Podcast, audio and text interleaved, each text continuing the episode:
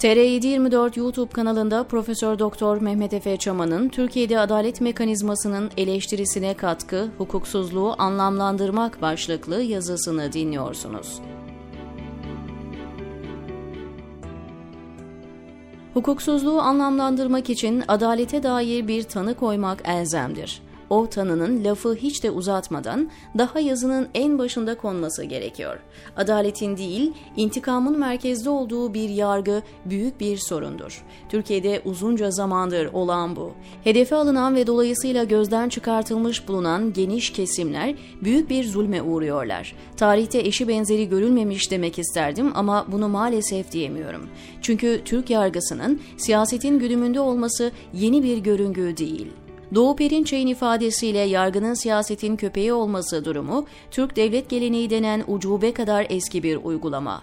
Bu topraklar, siyasileştirilmiş yargının minareyi kılıfına uydurma örnekleriyle dolu.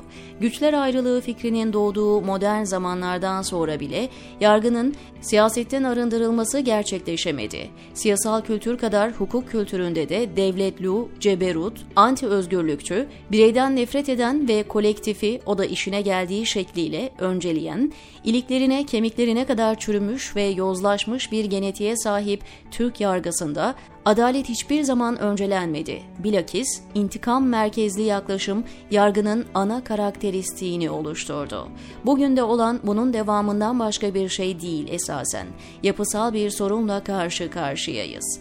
Hiçbir zaman uzlaşıların kurumsallaşması olamamış, birilerinin başka birilerine iradelerini ceberrutça dayatması ola gelmiş bir devlette, bağımsız ve tarafsız, adalet yönelimli bir yargı müessesesi çıkmamasına şaşmak ne derece olağan zamandır merak ediyorum doğrusu. Sanki uzayda Samanyolu'na yakın başka mümbit bir gezegenden gelmiş bir grup akıllı canlı, yeni geldikleri dünya gezegeninde hasbelkader Türkiye denen bir garabet ülkeye denk gelmişler ve her sabah ayrı bir dünyaya uyanan şaşkın ördek yavruları gibi izledikleri tabloya bakıp şaşırıyorlar.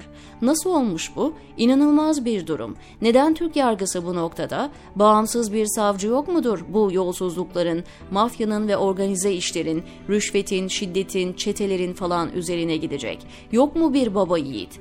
Gülmeyin yahu, olan gerçekten de tam olarak budur. Tek bir farkla, bunlar düpedüz hayatlarını tümüyle Türkiye'de geçirmiş insanlar. 1915'te Osmanlı vatandaşları öbekler, kafileler halinde korkunç sayılarda kadın, çoluk, çocuk, yaşlı falan bakmaksızın, bölgesel farklılık gözetmeksizin mezalime ve soykırıma tabi tutulduklarında da ne adliyede ne de mülkiyede bu vatandaşların hakkını ve hukukunu savunan çıkmıştı. İzmir'e giren Türk birliklerinin gayrimüslim mahalleleri ateşe vermeleri ve Körfez'in katledilen insanların cesetlerinden geçilmez hale geldiği büyük katliamdan sonra da bu olayları soruşturmaya cesaret edebilen bir hakim çıkaramadı bu topraklar. Ne Dersim katliamında, ne 6-7 Eylül programı esnasında ve sonrasında, ne de varlık vergisi zulmünde ve akabinde bu alışkanlık değişmedi. Acıları çekenler acılarıyla kala kaldı. Ölenler öldü, unutuldu, unutturuldu. Her zaman siyaset ne istediyse adliye onu veriyordu. Önemli olan devletti. Allah devlete, millete zeval vermesindi. Şimdi bazıları kızıyor batıdan örnekler verince. Çünkü bu bilgiler menkıbeler anlatmaya benzemez. İsteyen menkıbeleri dinlesin. Dicle'de kaybolan koyunlardan falan bahseden onlarca yazı var. Bilge kral yaklaşımı denen iyi yöneticiler olsa bunlar olmazdı türü izahatların esasında hiçbir anlam ifade etmiyor oluşu, eğer size ters gelmiyorsa masallara devam derim. Fakat eğer amaç karşılaştırmalı tahliller yaparak bugün yargı sisteminde ve daha da ötesi hukuk felsefesinde hatta devlet mimarisine ilişkin daha analitik ve gerçeğe tekabül eden, daha da önemlisi faydalı olma şansı bulunan teşhisleri koymaksa, o halde gelin okumaya devam edin bu yazıyı derim. 1215'te o bugün beğenmedikleri, dudak büktükleri Britanya'da Magna Carta imzalandı. Bu Osmanlı Beyliği Söğüt'te kurulmadan tam 84 yıl önce oluyor. Magna Carta'nın dünya hukuk felsefesi ve uygulaması bakımından en can alıcı verimi hanedanın hukuk üstü olma durumuna son vermesi, gücü hukukla sınırlandırılmış iktidarı yaratmış olmasıdır. Magna Carta hukuk devletinin inşa edildiği temeldir. Ardından 1628 tarihli İngiliz Haklar Bildirgesi gelir. Bu da başlı başına başka bir hukuk devrimidir.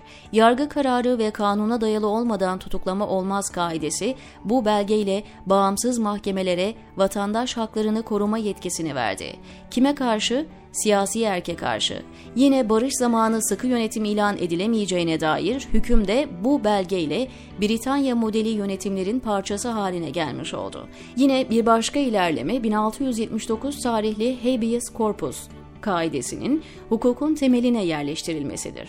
Haksız suçlandığını düşünen kişinin yargıya başvurup yargıç karşısına çıkarak davasını dile getirebilmesi, yargıç kararı olmadan özgürlüğünün kısıtlanamaması ilkesi hukuk dışı ve ucu açık hapis cezasını engellemiştir.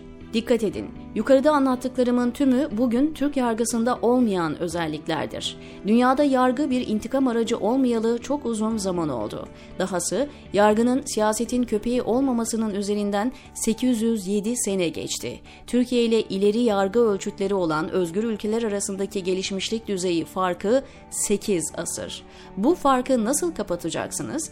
Daha doğrusu kapatmak istiyor musunuz? Kapatmadığınız sürece yargı siyasetin köpeği olmaya devam edecek. Size de özür dileyerek ifade edeyim, köpek muamelesi yapacak.